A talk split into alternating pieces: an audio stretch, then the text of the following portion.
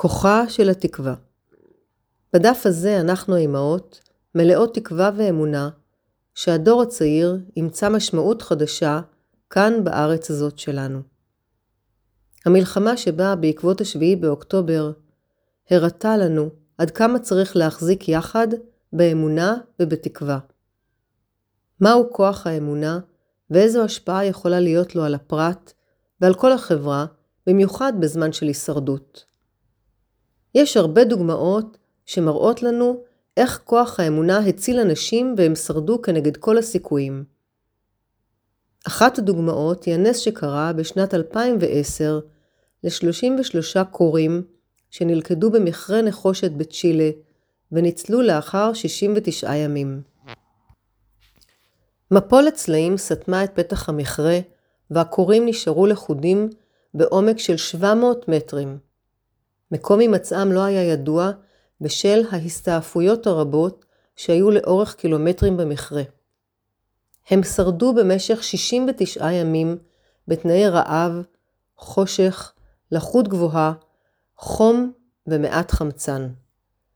סיפור הצלתם הוא סיפור של כוח האמונה והערבות ההדדית שהייתה ביניהם. ב-22 באוגוסט 2010, 17 ימים לאחר שאירעה התאונה, אחד המקדחים שעבדו שם הצליח לפרוץ פתח, והגיע לקוראים שהצליחו להצמיד לקצה המקדח הודעה באותיות אדומות גדולות, בה נכתב בפשטות אנחנו בסדר במקלט ה-33. קשה לתאר את השמחה הגדולה שהתפרצה לנוכח הידיעה שהקוראים נמצאים בחיים. במהלך 52 הימים הבאים, עד שהצליחו לחלץ אותם, נעשו מאמצים כבירים להעביר להם מזון ואמצעים שונים על מנת להחזיק אותם בחיים. לאחר חילוץ הקוראים, סיפר הקורא מריו ספולבדה שכל 33 הקוראים היו כמו גוף אחד שתפקד באופן דמוקרטי, עבדו יחד לתחזק את המכרה, חיפשו דרכי מילוט ושמרו על המורל.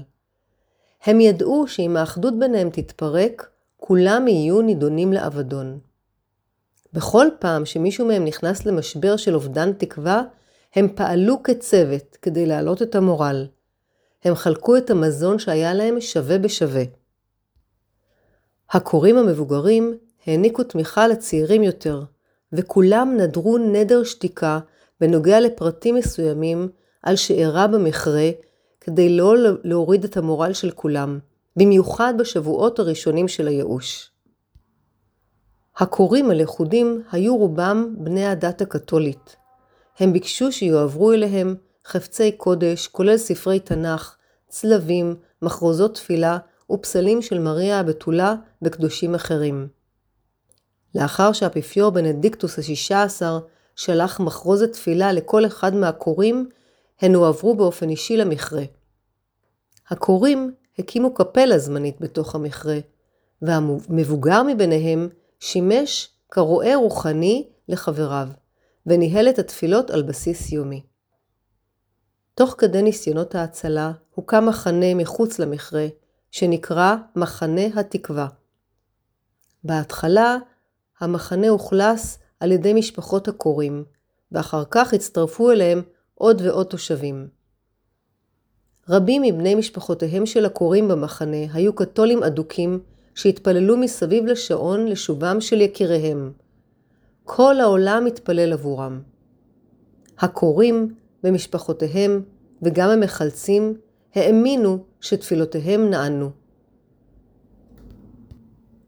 הציבור הצ'יליאני ייחס את הישרדותם של הקוראים בחיים להשגחה עליונה, וראה בחילוצם ממש נס. הנשיא פיניירה אמר שכאשר הקורא הראשון יחולץ בריא ושלם, הוא מקווה שכל פעמוני הכנסיות בצ'ילה יצלצלו בכוח עם שמחה ותקווה, כי האמונה הזיזה הרים. רציתי להביא לכם את הסיפור הזה כדי להזכיר לכולנו שאמונה מזיזה הרים וגורמת לניסים. ועל אף כל מה שאנחנו עוברים, אנחנו חייבים להמשיך להחזיק חזק יחד אחד את השני עם אמונה חזקה ותקווה גדולה.